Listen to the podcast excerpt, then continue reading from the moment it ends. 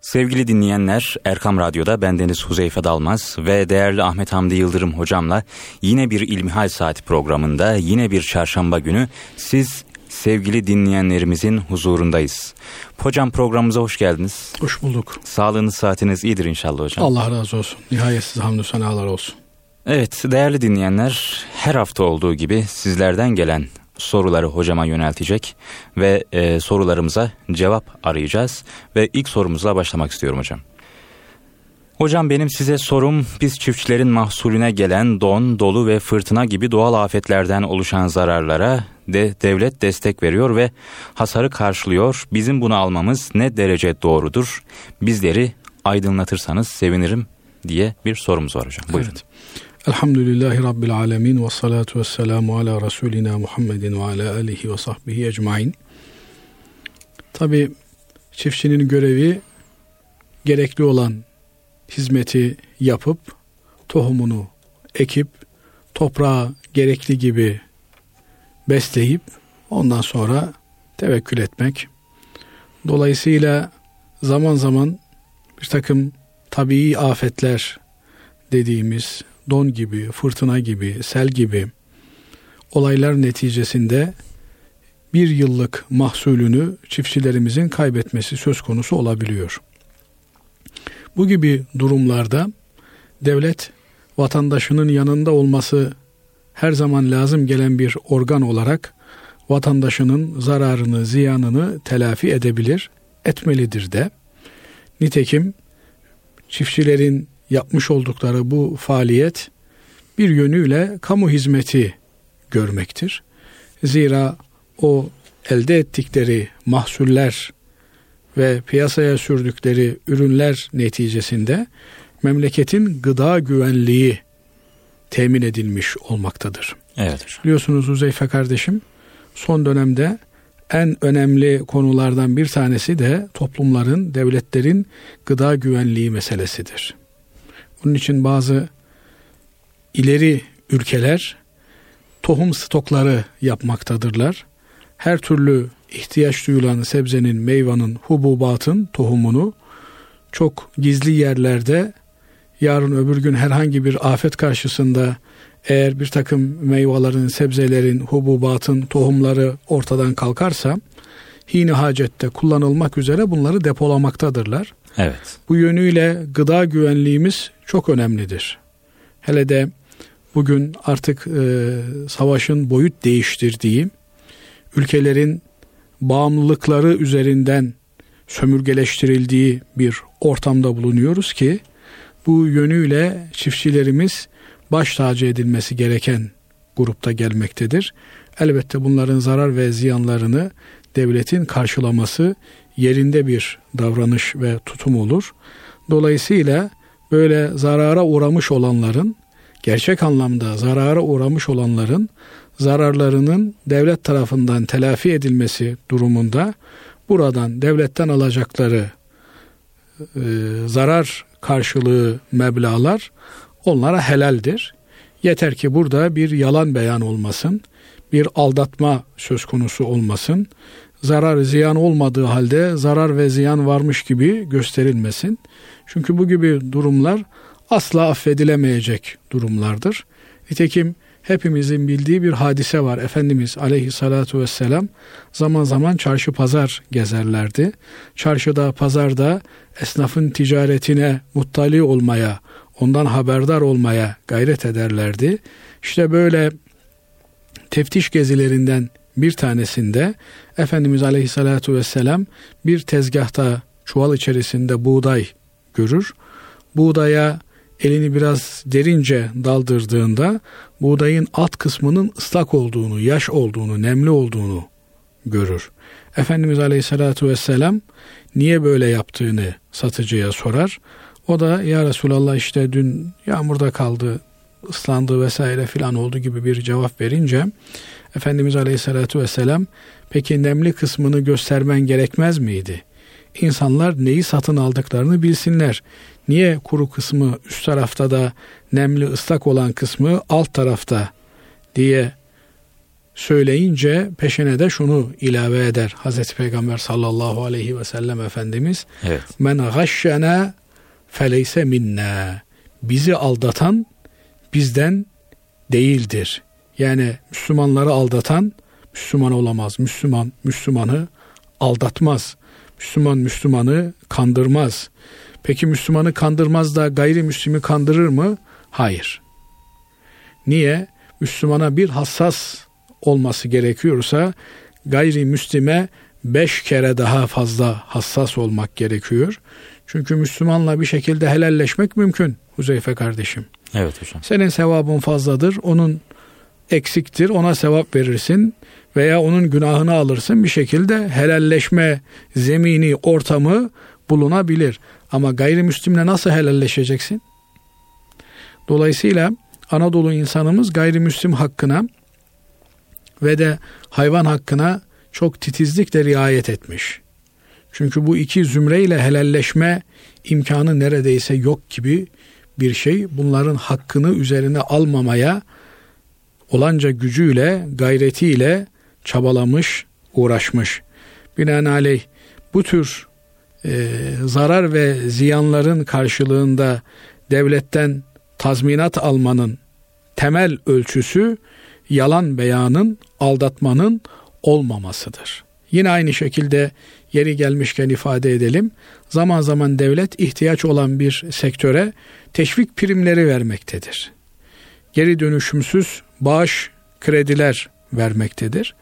Bu kredileri almak caiz midir? Caizdir. Ama burada da yalan, dolan, aldatmanın olmaması lazım gelir. İşte söz gelimi devlet bir müessesenin yüzde otuzu bitmişse onun kalanını tamamlamak için geri dönüşümsüz krediler veriyor. Bu durumda göstermelik olarak yüzde otuz bir işletmeyi yapıp krediyi aldıktan sonra kepçeyle olanı yıkmak niyetinde ise bir takım insanlar bunların aldıkları para helal olmaz. Evet. Tüyü bitmemiş yetimin hakkı olan kamu bütçesinden haksız bir yere alınan paranın menfaati kamuya dönmeyecek olan bir icraatın, işlemin helal olması mümkün değildir. Bakınız açıkça kitaplarımızda şu ifade var Huzeyfe kardeşim. Evet hocam. Diyor ki kamu bütçesinin ihtiyacı varken yani devlet bütçesinin ihtiyacı var elindeki gayrimenkulleri satışa çıkartıyor. Böyle bir durumda satışa çıkmış olan gayrimenkulleri ecri misliyle satın almak caizdir diyor. Yani yanında özel sektörün 100 metrekare bir arsası var. Onu 100 bin liraya satıyor. Kamunun 100 metrekare bir arsası var. Onu 50 bin liraya satıyor kamu. Onu 50 bin liraya almak caizdir demiyor. Onu ecri misliyle yani yanındaki özel sektörün sattığı fiyattan almak ancak caizdir diyor. Hmm, evet. Yani 100 liraya alabilirsin diyor. 100 bin liraya onu alabilirsin diyor.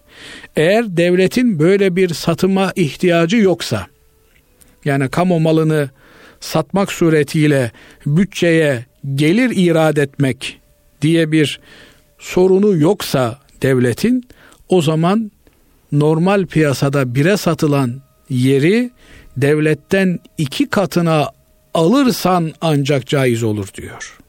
Evet. Yani burada devlet malına karşı, kamu malına karşı hassas olunması gerekiyor. Bunu sadece devlette ticaret yapan kimseler açısından söylemiyoruz. Aynı zamanda devlette bu işlerin efendim inisiyatifini elinde bulunduranlar açısından da söylüyoruz. Binaenaleyh iki tarafı keskin kılıç gibidir. Ona göre hassas olunması lazım geliyor. Evet, milletin, halkın zararını, ziyanını devlet telafi eder ama halkın da elinden geldiğince doğru, dürüst beyanda bulunması hatta imkanı varsa devletin bu tür tazminatlarına da tevessül etmemesi, ona karşı da müstahni kalması Belki daha fazla ihtiyacı olan vardır. Onlar alsınlar diye kardeşlerine öncelik tanıması lazım gelir. Cenab-ı Allah her türlü afetinden bizleri muhafaza buyursun. Amin hocam. Evet, dilencilere para vermek uygun mudur diye bir dinleyicimiz soru sormuş hocam. Buna da inşallah cevap arayalım. Evet, dilenmek doğru bir şey değil. Evet. Şeriatımız dilenmeyi çok zor ve istisnai şartlarda başvurulabilecek bir e, çare olarak görmektedir. Nedir o? Şeriatımızda Huzeyfe kardeşim üç türlü zenginlik birimi vardır. Bir zenginlik basamağı var ki ona sahipsen dilenme hakkın yoktur. Dilenmen haram ve yasak hale gelir. İkinci bir zenginlik nisabı meblağı vardır ki bu nisaba meblağa bu servete ulaştığında sana verileni alma hakkın da yoktur. Halbuki birinci basamak zenginlikte sana verileni alabilirsin. Ama sen kimseye gidip de el açamazsın. İşte bana verin benim ihtiyacım var diyemezsin çünkü belli bir zenginlik limitine ulaşmışsın. İkinci basamak zenginlik limitinde sen istemesen biri zorla gelip sana vermeye kalksa da sen onu alamazsın.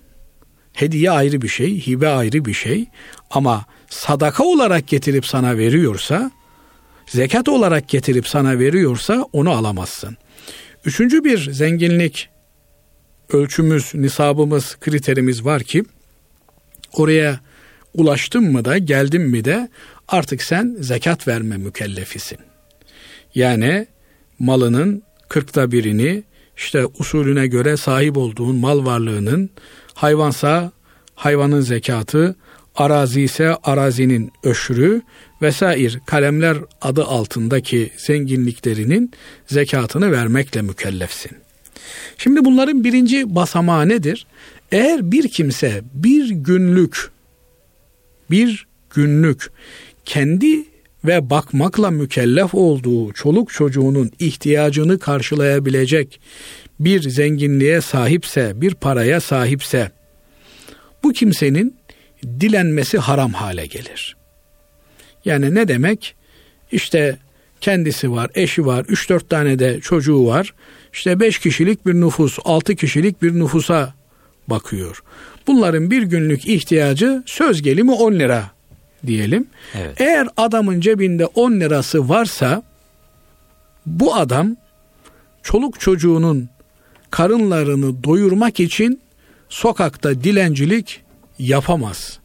Kapı kapı çalıp dolaşıp dilencilik yapması ona helal olamaz. Ama evinde ekmeği yok. Çoluk çocuğuna yedirebilecek bir şeyi yok. Evde çoluk çocuk aç, perişan. Böyle bir kimsenin dilenme hakkı vardır.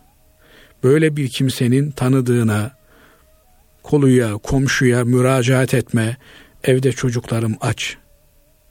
Allah rızası için onlara bir ekmek alacak kadar bir para bana veriniz deme hakkı vardır. Bu hakkın ötesinde o kolu komşunun bu insanları gözetme mecburiyeti vardır. Onların halini, hatırını sorma yükümlülüğü vardır.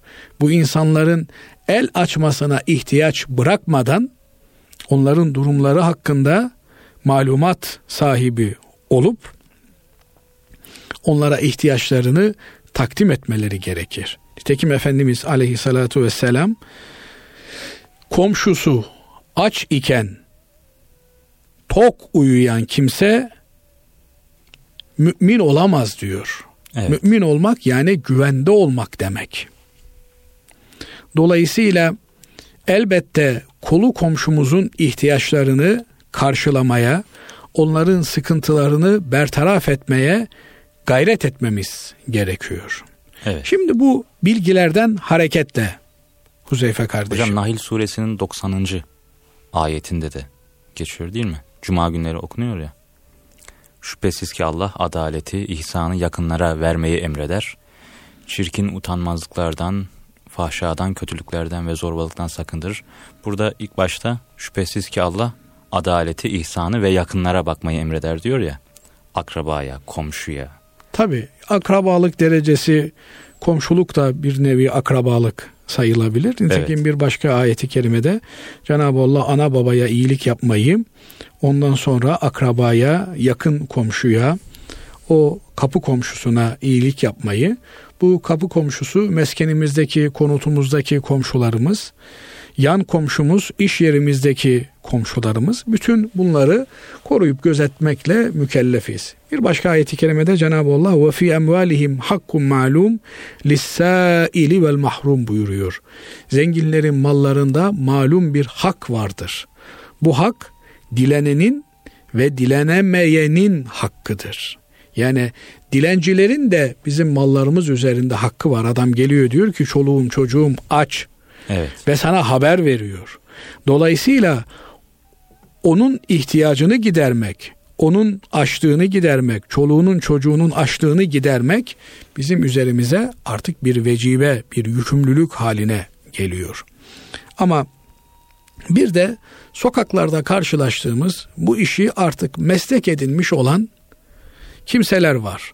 Bakıyorsunuz bir ışıkta bekliyor. Gelenden alıyor, gidenden alıyor.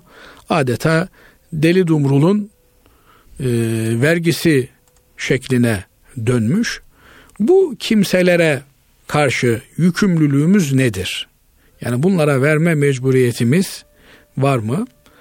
Burada e, tabi eğer bilebiliyorsak, tanıyabiliyorsak, işte sabah oradan geçtik, baktık millet veriyordu, akşam geçiyoruz yine hala e, söz konusu kişi dilenmeye devam ediyor. Onu es geçebiliriz, pas geçebiliriz, vermeden yolumuza devam edebiliriz. Niye? Artık onu tespit etmişiz. Bu adam burada bu işi bir meslek haline getirmiş, kötü bir alışkanlık haline getirmiş. Belli ki ihtiyacı yok. İhtiyacının üzerinde bir toplama sevdasında. Kimileri de işte gidip asgari ücretle birilerinin emrine gireceğimde her gün aynı rutini, aynı işi yapacağıma e, dilenmeyi de bir iş olarak görüyor.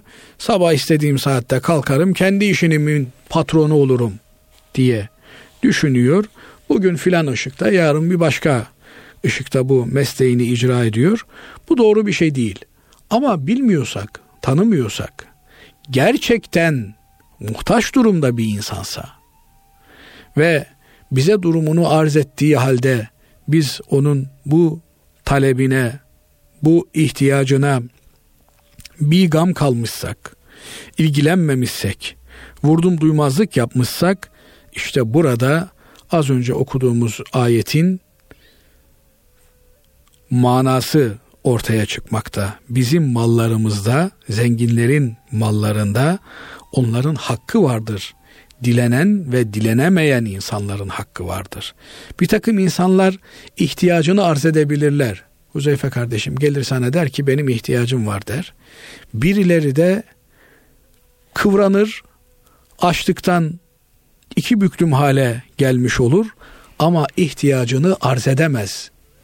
Öyle bir tabiatta, öyle bir fıtrattadır.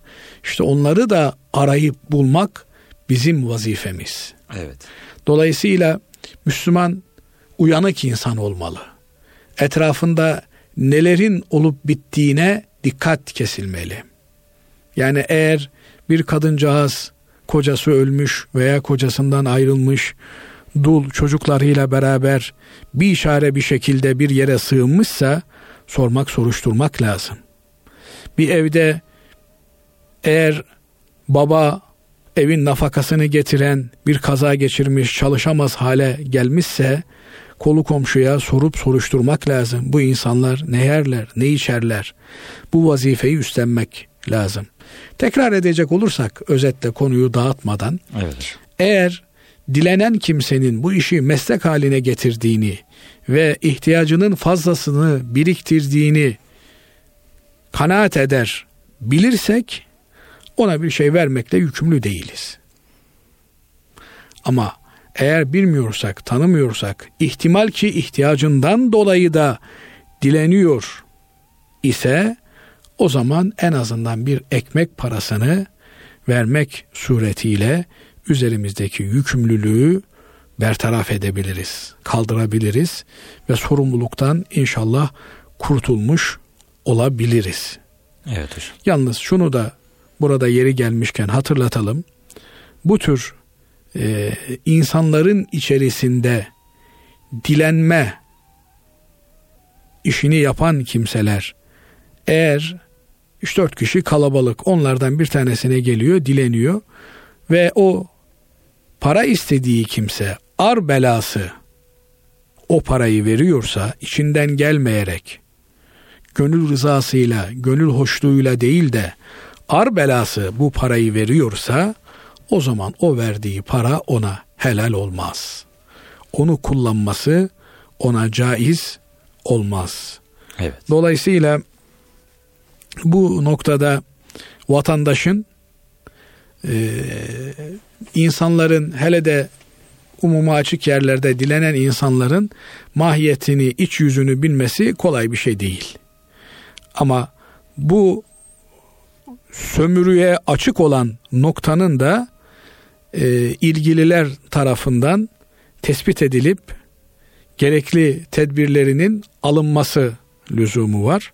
Ha eğer içimizden gelmiyor, vermek istemiyorsak yani işte sabah da buradaydın, öğle de buradaydın filan diye o zaman güzel ifadelerle bu kimseleri yolcu etmek gerekiyor. Her halükarda kırıcı olmamaya, kaba olmamaya, nazik olmaya Müslümanın dikkat etmesi gerekir. Evet hocam Kurban Bayramı yaklaşıyor. Kurbanla alakalı sorular var. Kurban kesmek farz mı, vacip mi, sünnet mi, kurbanın hükmü nedir diye genel bir sorumuz var hocam. Buyurun. Evet. Kurban Hazreti Peygamber sallallahu aleyhi ve sellem Efendimiz tarafından bizlere emredilen kendisinin de bizzat yapmak suretiyle bizlere örnek olduğu bir ibadet. Efendimiz Aleyhisselatü Vesselam kesintisiz bir şekilde kurban ibadetini yerine getirdiği için bu ibadet bizlere de bir yükümlülük haline gelmiş oluyor. Hanefi mezhebinin ağırlıklı görüşüne göre kurban kesmek vaciptir. Yani imkanı olan her Müslümanın kurbanı kesmesi gerekir. Birinci bölümünde konuşmuş olduğumuz üzere hatırlarsanız üç türlü zenginlikten bahsettik. Birinci kademe zenginlik dilenmeyi yasak hale getiriyor ama verilen sadakayı, zekatı almaya mani bir durum teşkil etmiyor. Bu kimse gününü kurtarabilen zengindir. Ama yarınla ilgili, öbür günle ilgili endişesi olan zengindir. İkinci kademe zenginlikte yılını kurtaran kişi veya ayını kurtaran kişiden bahsedebiliriz. Bu kimse nisap miktarı dediğimiz zenginlik ölçüsüne sahiptir. Ama henüz üzerinden işte bir yıl geçmemiş olabilir veya bu zenginlik ölçüsüne sahip olduğu mal nami dediğimiz üreyen e, kendini katlayan bir mal değildir. Söz gelimi mesela kenarda e, duran bir arsasıdır, tarlasıdır. Yarın öbür gün çocuklar da büyür. İşte buraya bir inşaat yaparız, çocuklara da birer daire bırakırız diye düşündüğü bir arsası olduğunu düşünün. Evet. Bu arsa sebebiyle bu kişi zengin hale gelir ikinci kademe zengin hale gelir. Bunun anlamı ne? Kendisine verilecek olan zekatı sadakayı kabul edemez. Ve kendisi bu tür bir zenginliğe sahip olduğu için kurban kesme mükellefi olur. Ayrıca işte Ramazan bayramı münasebetiyle verdiğimiz sadakayı fıtır mükellefi olur. Dolayısıyla böyle bir zenginliğe sahip olan ki hemen hemen memleketimizde e, birçok kimse bu tür bir zenginliğe sahiptir. Çünkü bu zenginlik kriterleri zekat verme mükellefiyetindeki kriterlere göre çok daha esnek kriterlerdir. Söz gelimi bir insanın Kaç çift ayakkabıya ihtiyacı vardır Hüzeyfe kardeşim? İki çift ayakkabıya bilemedin üç çift ayakkabıya ihtiyacı vardır. Ama adamın evinde 32 çift ayakkabı varsa o ihtiyacının üzerinde olan kısmı işte bu zekat matrahına girer.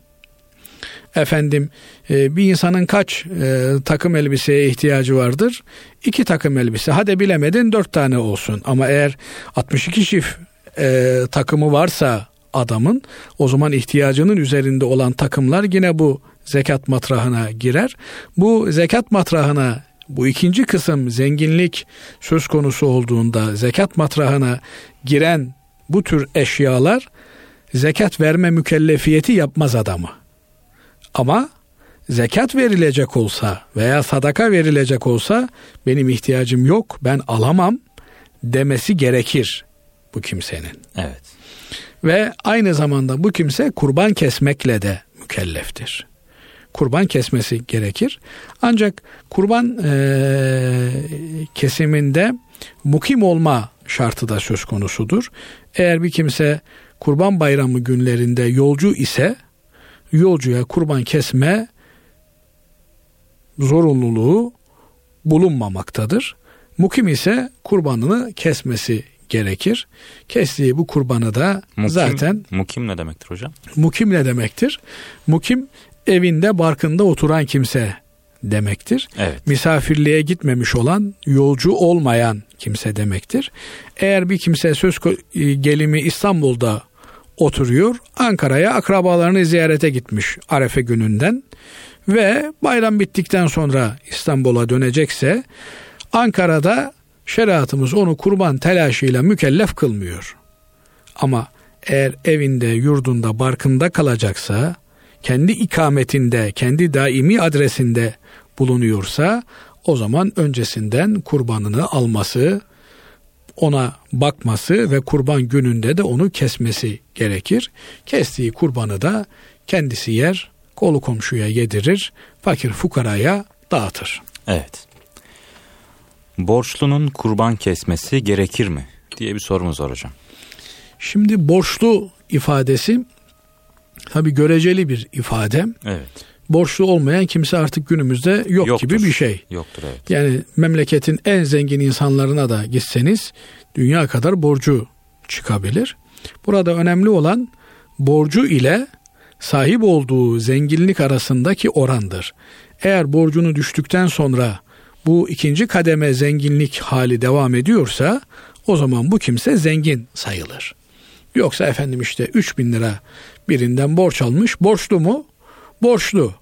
Ama beri tarafta da birinden 50 bin lira alacağı var. Efendim ne bileyim geride de 100 bin liralık bir serveti var.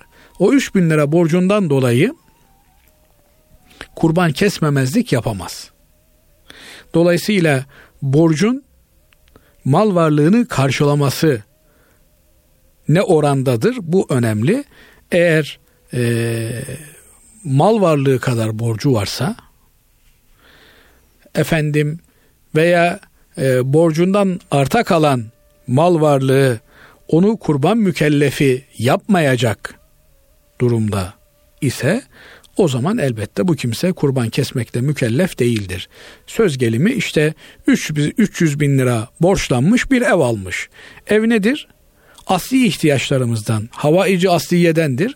Dolayısıyla bu kimse eğer e, 300 bin lira borcu var, e, geriye de bütün mal varlığı 100 bin lira yapıyor diyelim. E, bu adamın 200 bin lira açığı var demektir. Ona şeriatımız ilk önce borcunu ödeder. Yani kurban kesme ibadetinden önce ilk önce borcunu ödeder. Böyle bir borçsa elbette bu borçlunun kurban kesmesi gerekmiyor. Evet. Ama adamın mal varlığı var da nakiti yok. Yani tarla almış, efendim yat almış, kat almış, araba almış. Elinde nakit yok efendim elimde nakit yok. Ne yapayım? Bu durumda yapılacak şey çok basit. Ya nakdi olan birinden borç alacaksın daha sonra ödemek üzere veya mal varlığından bir kısmını satacaksın nakde çevireceksin. Evet. Evet hocam.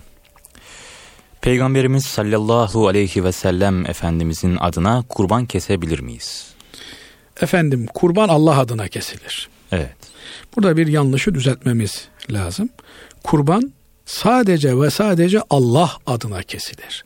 Çünkü kurban nihayetinde can taşıyan bir hayvanın can veren Allah'a adanmasıdır, kurban edilmesidir.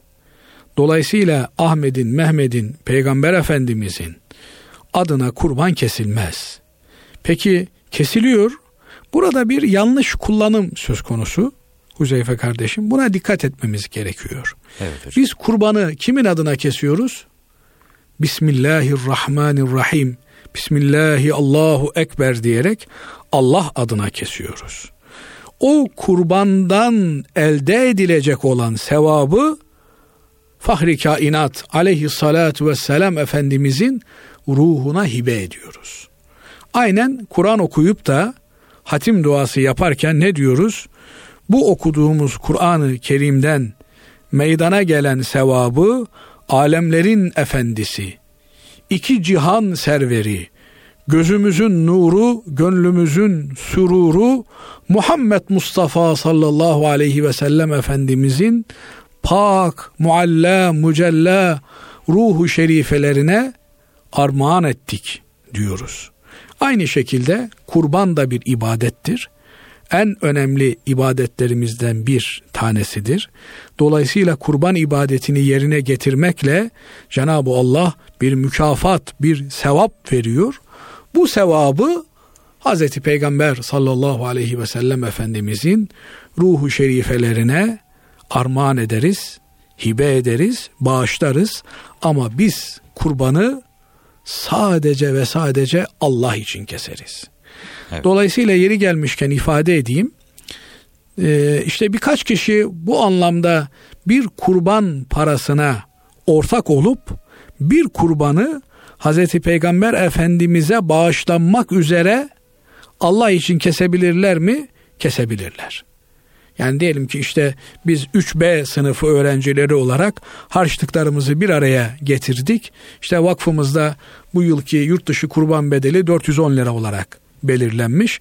41 tane öğrenci hepsi 10'ar lira harçlığını koymuş Hüzeyfe kardeşim. Evet. 410 lira bir kurban hissesi toplamışlar. Biz askerde yapmıştık hocam. Evet. Bu kurban hissesini Allah için kurban edip Hazreti Peygamber Efendimizin ruhuna sevabını bağışlayabilirler. Bu kurban hissesini Efendimiz Aleyhisselatü Vesselam nasıl ümmeti için kurban kesmişse ümmeti olarak biz de Efendimiz Aleyhisselatü Vesselam'a sevabı bağışlanmak üzere kurban kesebiliriz, kestirebiliriz. Bu tür e, kurban kesen vakıf ve derneklere bu amaçla vekalet verebiliriz. Evet hocam. Banka kredisiyle kurban alınabilir mi diye bir sorumuz var hocam. Şimdi zaman zaman bu ve benzeri sorular geliyor. Buradan cevaplamaya çalışıyoruz. Çok değerli dinleyenlerimize Bakara suresindeki şu ayeti kerimeyi hatırlatmak isterim. Cenab-ı Allah estaizu billah ve ahallallahu'l bey'a ve harramer riba. Allah alışverişi helal, faizi haram kılmıştır.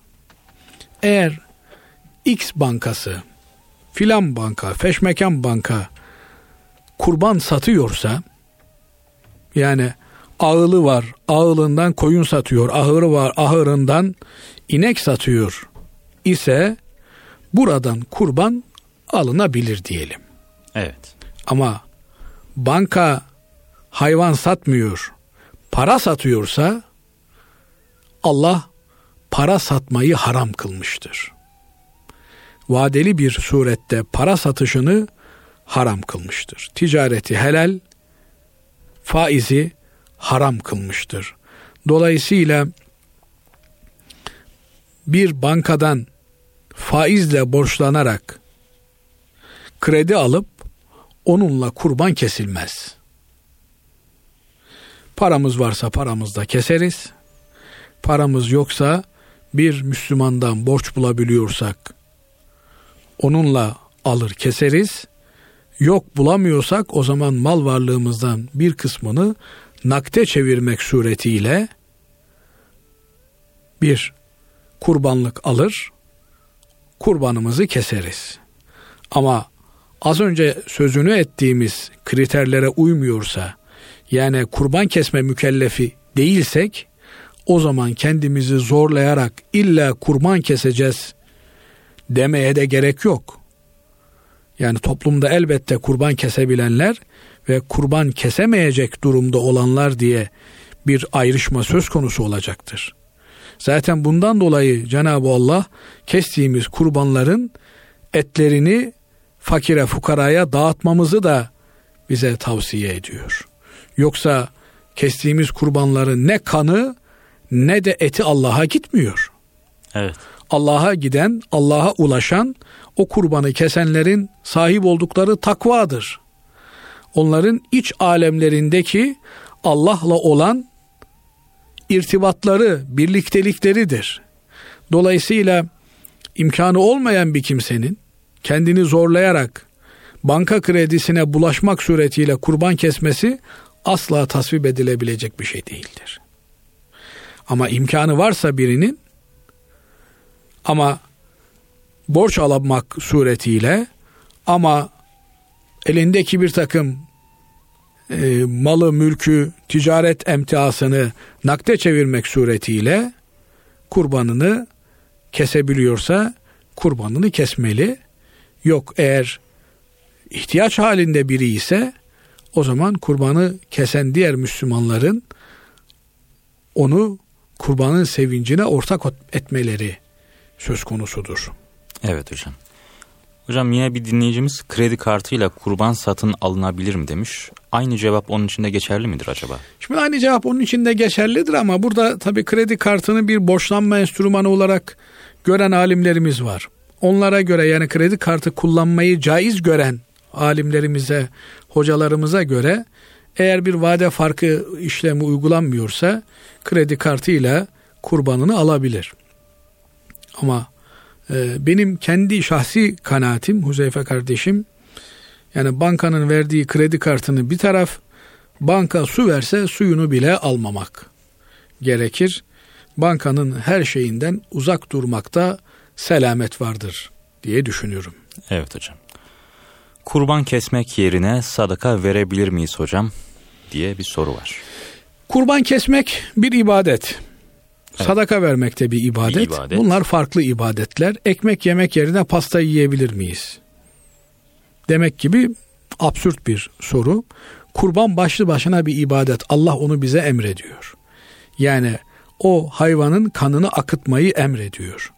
Akıttığımız bu kan hedere olmuyor. Nihayetinde onun etinden, efendim yününden, postundan, kemiğinden, her şeyinden yine istifade ediyoruz. Yani kurbanı kesip de çöpe atmıyoruz haşa. Evet. Aksine kurban kestiğimiz hayvanın her şeyinden istifade etmeye çalışıyoruz. Mesela yenmeyecek olan kısımlarını bile gelişi güzel öyle sağa sola çöpe savurmuyoruz. Aksine kurban hayvanı olduğu için itinayla bir çukur kazıp o çukurun içerisine dolduruyor ve üstünü toprakla örtüyoruz. Yani adeta ölmüş bir insanı gömmek gibi bu e, kurban olarak kestiğimiz hayvanı da yenilmeyecek olan taraflarını bu şekilde bir hürmet ve saygı alameti, nişanesi olarak gömüyoruz.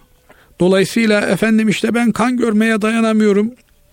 O zaman vekalet verirsin senin adına başka bir Müslüman keser. E ben bunu uygun görmüyorum derse bir insan Allah muhafaza etsin. Allah'ın uygun gördüğünü tartışmak bir Müslümana yakışmaz. Allah'ın emrettiği bir hususta fikir yürütmek bir Müslümana asla uygun düşecek davranış olmaz. Allah kes dediyse kesilir. Allah sadaka ver dediğinde sadaka verilir. Kurban kes dediğinde kurban verilir. Dolayısıyla bu nokta çok hassas bir nokta. Ee, ben işte 300 lira 500 lira bir kurban bedeli onu vermeyeyim de onun yerine e, kurbanı kesmeyeyim de onun yerine para vereyim. O para kurban yerine geçmez. Evet. Ama eğer bunun ideolojik arka planında kurbanı e, medeni insana yakışmayan barbarca bir davranış görme gibi bir eğilimi varsa bir insanın Allah muhafaza etsin. Bu zaten Müslümanca bir düşünce olamaz.